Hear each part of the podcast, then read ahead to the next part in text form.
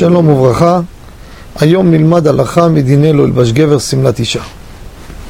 מה קורה אדם רוצה לקחת בגד של אישה ולהפוך אותו לבגד לגבר? יש לזה כמה דוגמאות.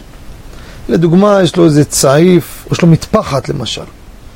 מטפחת של אישה שהיא כבר לא צריכה אותה, הוא רוצה לקחת, לפתוח אותה, לפרום אותה ולהפוך אותה לדוגמה לצעיף, לגבר. לדוגמה זה בצבע שמתאים, אז הוא אומר אני אהפוך את זה לזה. או כל מיני דוגמאות, כל מיני בגדים, כל מיני סריגים, הריגים, שרוצים להפוך את זה.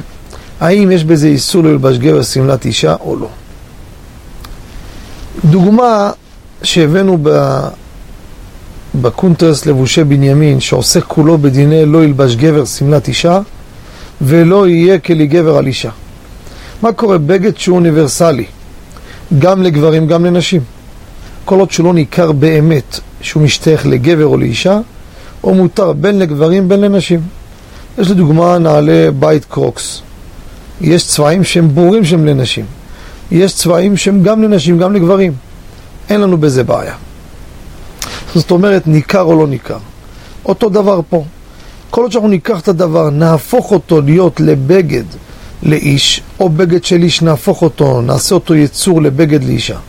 ולא ניכר שהוא שייך למין הקודם שהוא היה שייך אליו, אין בזה לא ילבש גבר שמלת אישה. למה? כי הדבר לא ניכר בעצמותו. אני מסתכל עליו, לא רואה בכלל את המטפחת, וכן הפוך. לא רואה חולצה של גבר שפתאום נהפכה לשל אישה, שעשו שם איזה תפירה או איזה שינוי מסוים. לא ניכר. אין בזה איסור של לא ילבש גבר שמלת אישה. תודה רבה וכל טוב.